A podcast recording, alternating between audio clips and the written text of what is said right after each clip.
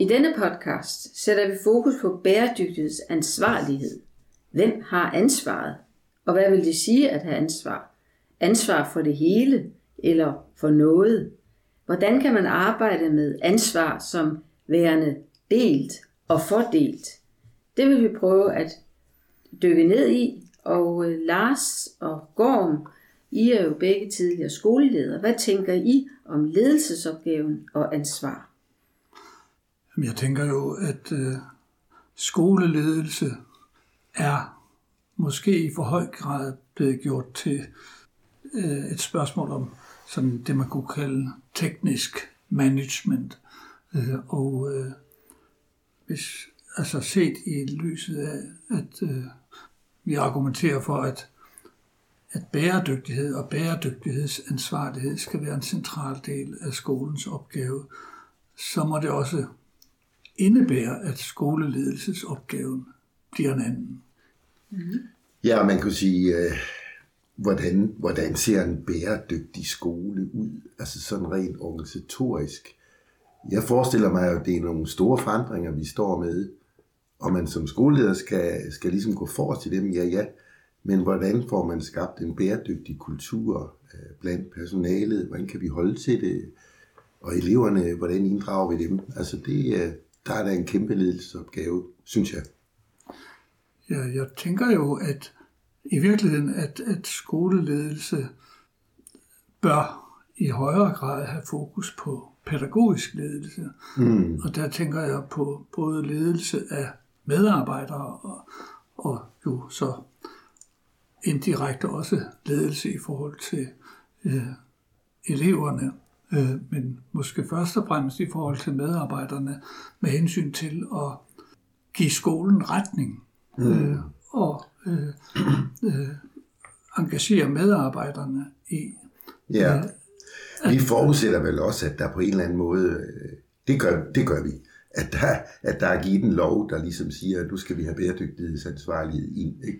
Det, det er en forudsætning, som begge... Altså, det, tænker du ikke det? Jo, jeg tænker jo, det må være... Altså, der skal jo nødvendigvis være en ovenfra styring.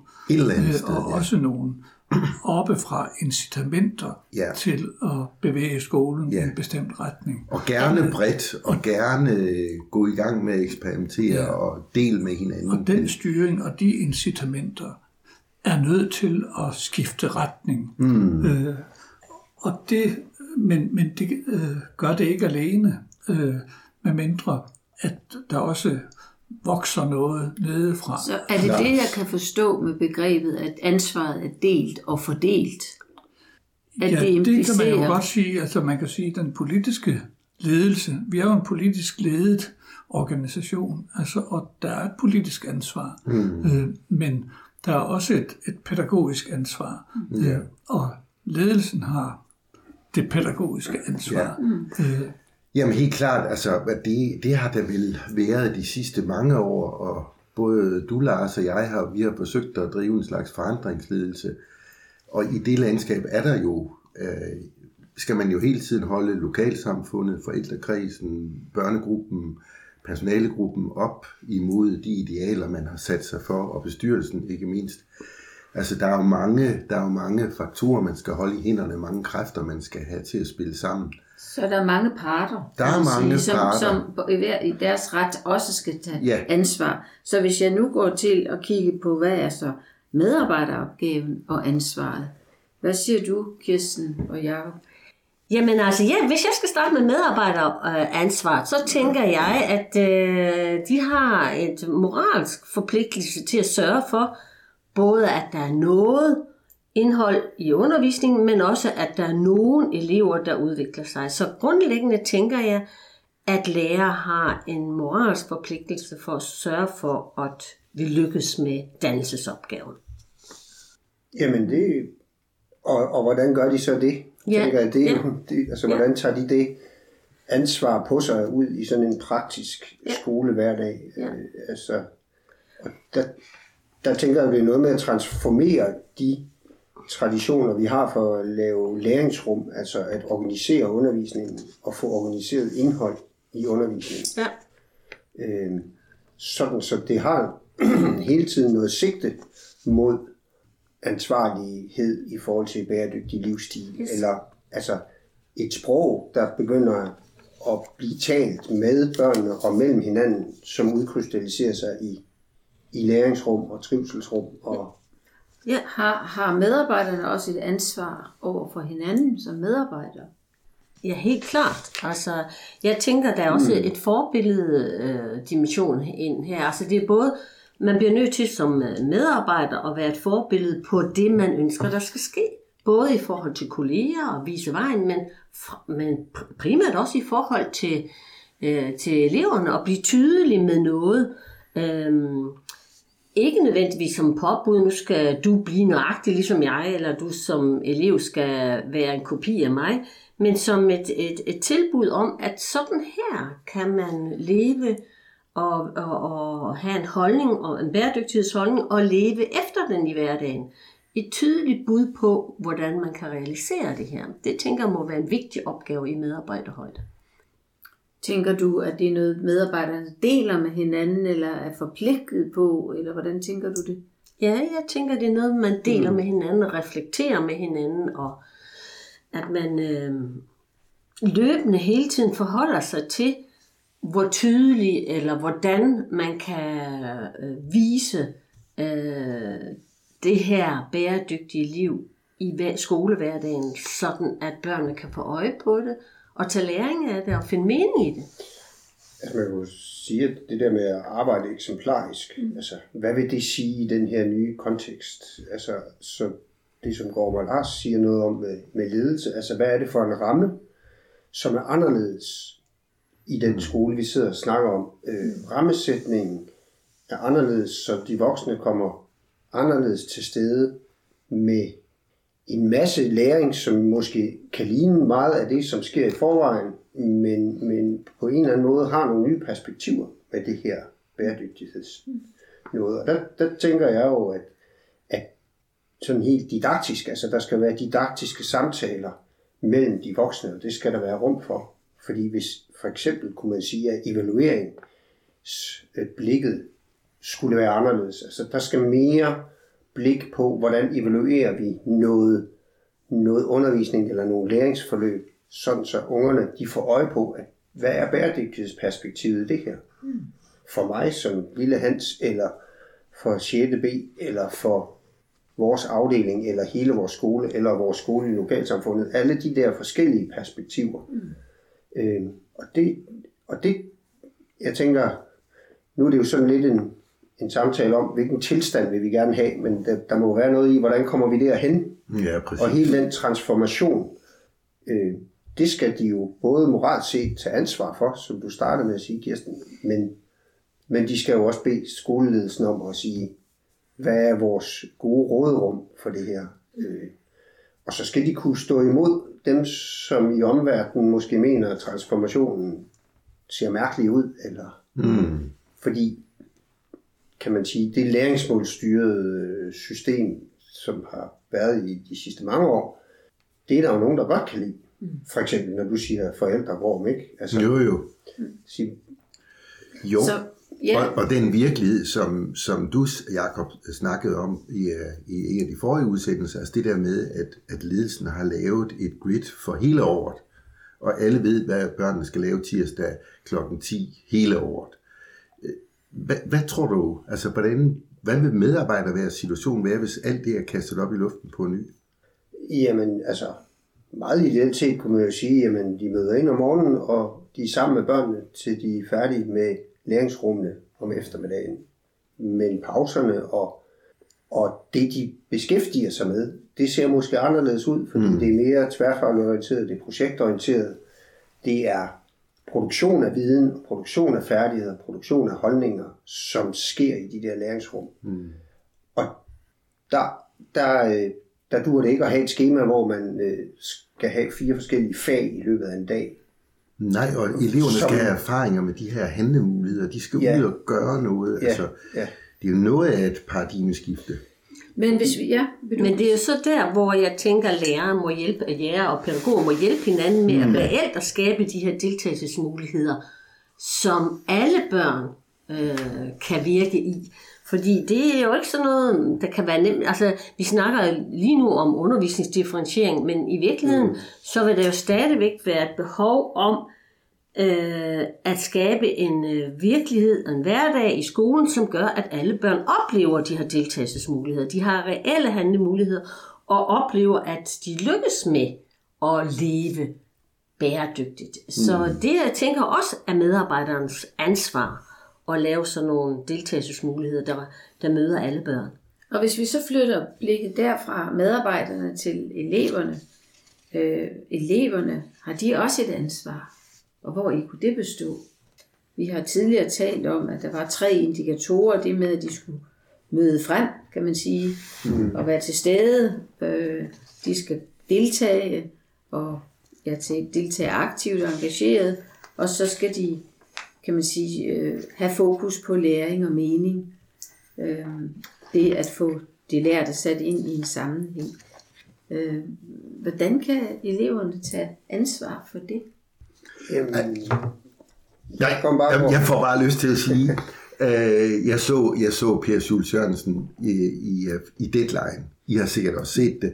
Og så sidder de jo og morser over en, øh, et klip, hvor han på et tidspunkt for ikke mange år siden påstod, at man kunne snakke med treårige børn, og at man ikke måtte slå børn den alder. Og der sad jo så nogle folketingspolitikere og, og hundede ham lidt for sådan nogle synspunkter. Mm. Og det siger noget om, hvad, hvor vores blik på børn er, er skubbet så meget på de år, der er gået. Og jeg, jeg ser for mig, at vores blik på børn og deres måde at blive, blive medinddraget og tage medansvar, bliver skubbet yderligere jeg ser i hvert fald for mig, at børnene tager meget mere ansvar i en skole. Du har også før, Jacob, sagt, at de møder jo bare en, og så gør de, hvad, forældre, altså, slår, hvad, hvad de voksne har planlagt. Ikke? Jo, altså det er jo sådan lidt den, den karikerede billede på, ja, det på en det. elev. Ikke? Altså ja. hvis man tager elevtrivselsundersøgelser frem og spørger, når de bliver spurgt, er du med til at bestemme? Så er det jo beskæmmende ja. få, der siger, ja, det er jeg. Ja. Øh, og det skal de jo, for det står i folkeskolens formål. Altså, ja. øh, så, så, og, og, og problemet her, tænker jeg jo, at vi kan jo ikke bare give dem ansvaret, og så forvalter de det. Nej. Øh, så jeg det tænker, det er jo sådan lidt hønen og ægget. Ikke? Mm. Altså, så er vi tilbage i medarbejderansvaret og ledelsens ansvar for at sætte en ramme, de voksne i skolen, ja. for at udmønte det. Men at lære børnene at sige, at du har et ansvar.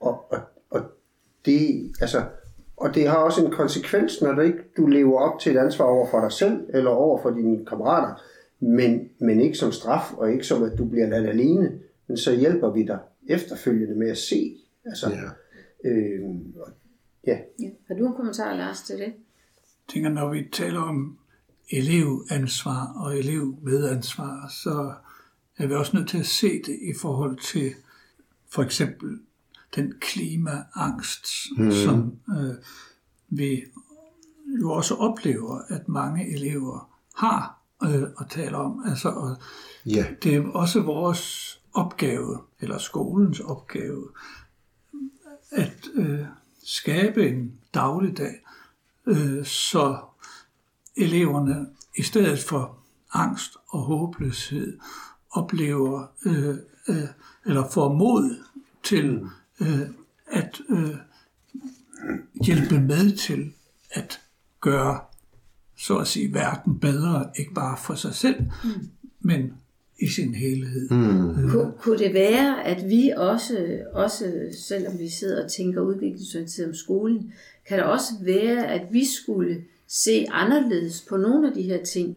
Øhm, jeg læste en tidligere cirkusdirektør, kalder han sig, fra Gøjlerskolen, han sagde, at der, de havde tre, her vi opererede også med tre kriterier, kan man sige, at man skulle komme til stede på skolen, så skulle man begynde at arbejde med sig selv og øve sig, så skulle man øve sig sammen med andre, det var andet trin, og så gik man ud i verden mm. og viste det, man havde mm. øvet. Mm. Det har været den måde, man gik frem efter. Mm. Så fik de besætter grupper af unge ind på Gøjlerskolen, og de sagde, det gider vi bare ikke. Nej. Vi vil starte modsat. Vi starter modsat. Vi vil ud i verden og lave noget. Og så gjorde de det. Så de startede med at gå på gaden og lave noget, og det var selvfølgelig jammerligt, mere eller mindre.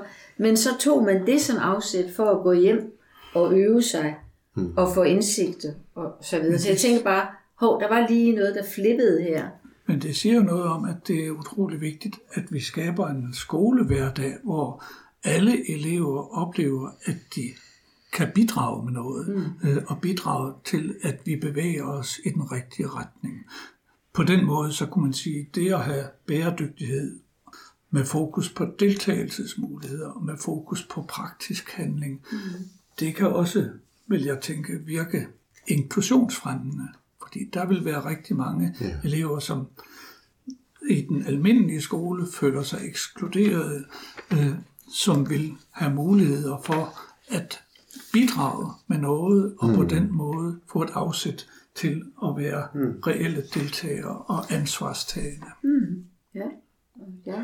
Ja, og når du nævner det, Marianne, med, med cirkusdirektøren, øh, altså det kriterie, vi kalder læring og mening, når vi har talt sammen tidligere, altså hvad er det for en mening, vi skal have dem til at se som sig selv, men også som fællesskaber? Altså, det, er jo nok det at forstørre den del af, af læringsrummene, øh, hvor man siger, hvis vi gør det, så, så får de jo øje på, at vi kan tage ansvar, og vi kan have ansvar, og vi kan bære det. Vi kan også være i tvivl, men, men vi får hjælp. Og så kommer vi egentlig lidt tilbage til det med medarbejderne. Jamen, så hvordan stiller de sig i forhold til det? For at understøtte øh, det. Og, og, og med det, du lige sagde, Lars, så tænker jeg, så går der jo en linje videre op igennem, øh, sådan at den store ramme for det at holde skole, skal jo også sige ja til, at det er legitimt, at man deltager på forskellige måder. Og, og det at differentiere læring og undervisning, det er ikke, at alle skal nå det samme mål, når de går i 4. klasse, men at man når til forskellige mm. målsætninger på forskellige tidspunkter, og at de der mange tusind mål, vi har i vores danske folkeskole, det er ikke sikkert, at alle når dem i bredden, men til gengæld så har vi en skole i det ideal, jeg tænker, vi snakker om, hvor vi når dybt ned med noget, og det er sådan set det, der er med til at gøre, at det, de kan tage ansvar senere, fordi de kan mærke dybden mm. i sig selv og i deres fællesskaber. Ja, jeg kan godt lide det, øh, altså det der også Lars sagde, altså, men, men jeg kan da også være, jeg, kan, jeg har svært ved at se det for mig, altså, men jeg synes, det er en rigtig god vision, hvis, hvis livet i skolen er bæredygtigt, for, altså oplevet for eleverne, at de simpelthen deltager i noget liv, som giver så mange handlemuligheder, at, at de er så velintegreret i det og medskabende af det. Men, men, ja, men, øh, men hold da op, hvornår skal de så lære dansk og matematik? Ikke? Altså. Og det tror jeg jo bliver den svære medarbejder ansvars ja, det det. opgave. Det er ja. jo det, som, som øh, du siger, Marianne, når de så har været ude på gaden, de der besætter og skulle tilbage, ja. og ligesom kvalificere sig, sådan, så det ikke blev så jammerligt, det de stod med. altså, det er jo det samme, hvornår skal vi tilbage og sige, nu har vi simpelthen brug for at sætte kommaerne rigtigt, fordi ellers så er den her formidlingstekst, de har lavet om noget, der er vigtigt, den kommer ikke, Nej. Den kommer ikke ud af rampen. Nej. Men spørgsmålet er, om de ikke er motiveret til den læring og, anderledes, når de først præcis. har oplevet behovet for lige at præcis. blive klogere på noget. Mm. Altså. Ja, og det, og det tror jeg måske, kunne man sige, er et paradigmeskifte. I stedet for at færdigheder stykkes sammen til en eller anden form for kompetencer i helhed, som de så skal finde ud af, hvordan de kan bruge den i verden så tager de fat i verden med de kompetencer, de har, og finder ud af, hvilke færdigheder skal jeg så. Det tror jeg, du har ret i. Og det skal de voksne jo så hjælpe ja. med. Ja, og det vil så også give den mangfoldighed set med elevbriller, som mm. du snakker om, Kirsten, ikke? Altså, at man kan bidrage med, med sit. Ja. Man kan, ja. Jeg vil gerne øh, foretage et step op, for de næste gruppe, som også har et ansvar, eller hvordan har de det, det er forældrene forældreopgaven og ansvaret. Kirsten, hvad tænker du? At forældre, hvordan kan forældrene have Jamen, jeg tænker, at forældre har en stor, øh, et stort ansvar. De er forpligtet til at sørge for, at deres barn trives og udvikles, men det er de forpligtet på at gøre i samarbejde med skolen. Og med tillid til, at skolen løfter opgaven. Men hvis jeg skal gå tættere på, hvad det egentlig vil sige som forældre, og sørge for, at deres barn trives og udvikles, så, øh, så tænker jeg, at specielt når vi snakker om bæredygtighed og øh, den angst, der bliver beskrevet, der nu øh, findes i øh, børne- og ungehøjde, at så er det uhyre vigtigt, at forældre er i kontakt med og, og fornemmer og, og, og sporer sig ind på, hvordan har deres barn det egentlig. Og så forsøge at rumme øh, øh, farvene, den angst, som barnet måtte have, i et sådan omfang, at barnet faktisk mærker, nå, jamen, jeg behøver sikkert at være bange, fordi den voksne kan rumme den her angst, og så er det nok ikke så farligt. Øh, og så kan man bedre komme derhen sammen med barnet, som forældre i hvert fald, og tænke højt og begynde at snakke om, nå, jamen, hvis det er det her, du er bange for, hvad, hvad kan vi så gøre ved det? Hvad er det så, vi skal lave anderledes her hjemme i vores hjem?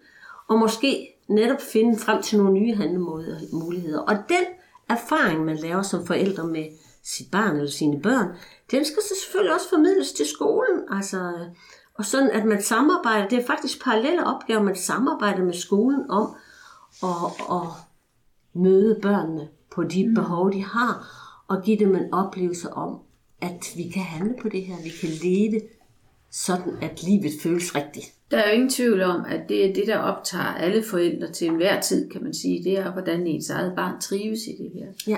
Men, men inde i vores øh, sammenhæng omkring det med bæredygtighedsstandene, der tænker jeg, så får skolen vel også en opgave i forhold til at forklare sig, eller fortælle sig, i forhold, om hvad, hvad er vi nu for en slags skole. Ja. For forældrene er jo bærere af egne skoleoplevelser, først og fremmest. Ja. Og hvad er det så nu, øh, som er anderledes ved den her skole, og hvilke krav stiller det til os som forældre? Hvordan støtter vi op omkring skolelæringen, kan man sige derhjemme, når vi ikke ved, hvad det er, der foregår, eller, eller ved vi, at det afhænger jo af skolens evne til at, at informere og inddrage øh, forældrene i arbejdet også, tænker jeg. Ja, men det er jeg helt enig med dig i. Altså, vi skal have nogle andre møder, hvor, hvor øh, skolen bliver tydelig med deres øh, bæredygtighedsdannende hverdag, men også bliver tydelig på, hvordan er det, man arbejder med at møde børnene, hvis de bliver usikre eller angst, eller mm. ikke rigtig kan finde ud af det, sådan at man sammen gør erfaring med, jamen når vi er hjemme, så gør vi sådan her, og når, I, når du som primær voksen, eller hvem du nu er i forhold til at barn, gør sådan her, og det virker sådan, så måske kan vi inspirere hinanden, og have tillid til, at vi sammen har et projekt, der hedder at få hver enkelt barn og hele børnegruppen mm til at trives og udvikles. Men kunne man ikke forestille sig, at det her jo næsten havner på et andet niveau, og så mere lokalsamfundsagtigt, i form af, at, at øh, hvis forældrene også skal introduceres til en bæredygtighedsdannende skole, så rækker det jo ind i deres livsførelse, ikke bare i madpakker og skolemad, og hvor meget ude, og hvor meget inde, og hvor meget sammen, og hvordan fællesskaber øh, hvor meget omsorg for hinandens børn, og altså alle de traditionelle ting, hvor der måske er noget mere rutiniseret adfærd mm. omkring, hvordan gør vi her hos os mm. omkring det her, den skal måske vendes i lyset af de her ting, i lyset af en bæredygtighedstænkning. Altså jeg tænker, du har fuldstændig ret i, at lokalsamfundet har også et ansvar i at støtte op om den her opgave. Det er ikke noget, skolen nødvendigvis kan klare alene, eller forældrene kan klare alene lokalsamfundet, mener jeg er en vigtig agent ind i det her. Mm. Ja, for det er vel der, hvor også øh, børnene skal ud og skabe øh, handle, handleerfaringer. De skal ud og bokse med noget. Det kan jo nok ikke kun være hjemme på skolen. De skal jo ligesom ud og få nogle erfaringer. Så lokalsamfundet skal også åbne sig ja, det... for skolen og for børnenes ja. deltagelse, for ja.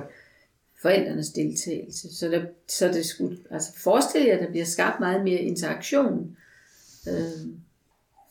Ja, og det, er jo, det vil jo altid være lettere, umiddelbart lettere i nogle skolers lokalområder, mm. end i andre skolers lokalområder.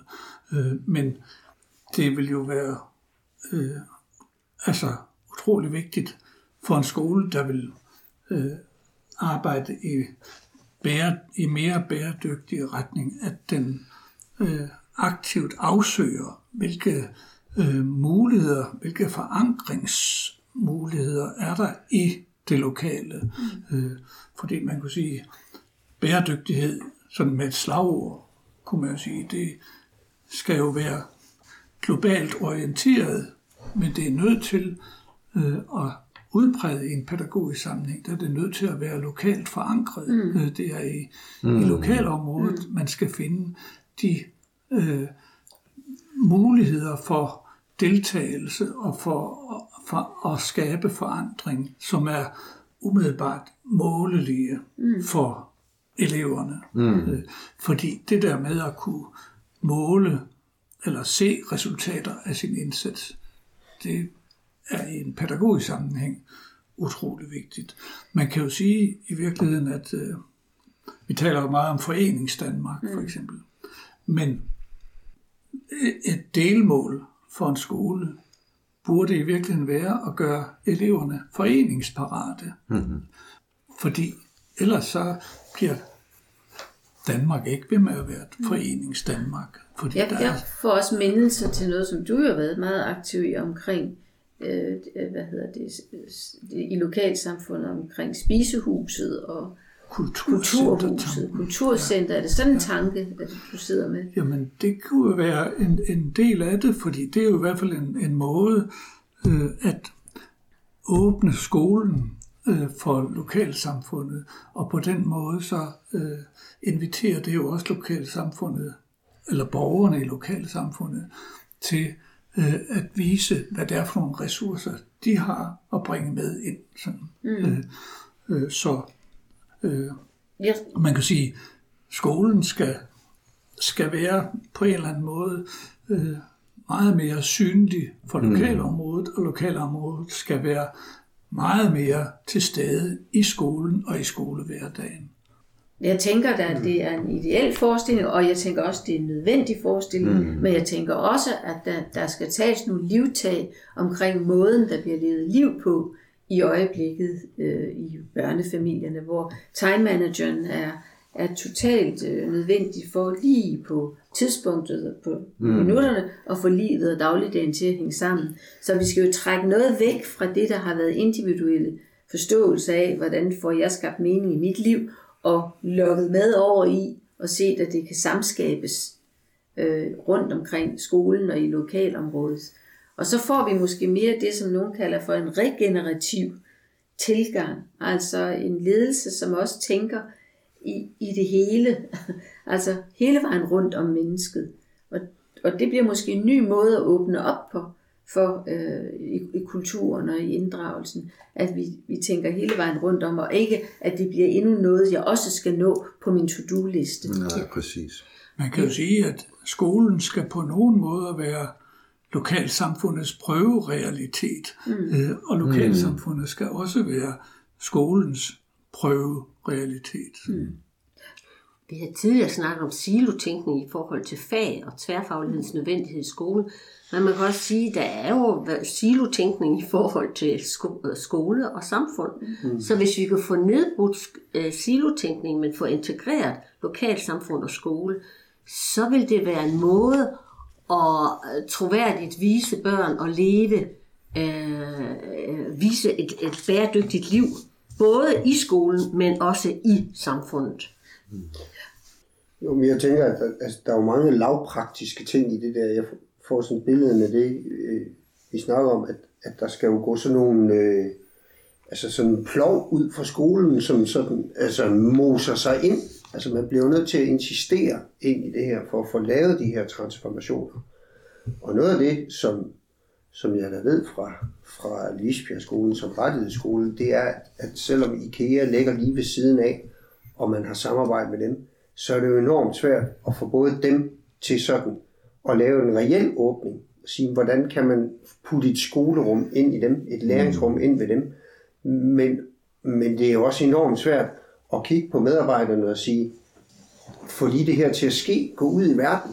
Ja, men vi skal lige, og det kan ikke, og vores årsplan, og vi kan ikke, og altså, så der er jo, altså, apropos det med, hvad, hvad er det for en ramme lærerne øh, og pædagogerne skal arbejde i, altså, så skal der jo være plads til at eksperimentere og skabe de der møder og kommunikation med forældre, eller mm. virksomhedsledere, eller foreningsledere, eller mm hvad det nu er, man gerne vil interagere med. Ikke? Jeg kunne blive lidt nysgerrig på, med afsæt i alt det, vi nu har vendt, hvad er så ledelsesperspektivet? Altså, hvad er så det ansvar, som ledelsen måske kan løfte, som kan gøre det synligt for os, at vi tror på, at, at sådan en opgave her kan lykkes. Altså, hvad, hvem er det, der skal tage ansvar for, at lokalsamfundet flytter sig? Hvem skal tage ansvar for, at og så videre? At spiller ledelsen der en central rolle? Altså, jeg mindes jo at have en start i min karriere med en leder, som hyldede fejlene. Mm. Meget bevidst. Mm. Og det har jeg tit tænkt på, at hvis man skal have noget andet til at ske, så skal man ture gøre noget, som også skal risikere at fejle. Mm. Og min bekymring lige nu, det er, at vi er meget perfekthedssøgende mm. i samfundet som helhed. Det er vi også i vores mm. forældrerolle og ansvarsdagen. Øh, og at vi har nogle strukturelle forhold, der gør, at vi lige akkurat kan få det hele til i ordnet forhold, hvis vi holder tungen lige i munden. Mens det her, vi taler om, vi gerne vil se, det er jo noget, der springer nogle rammer.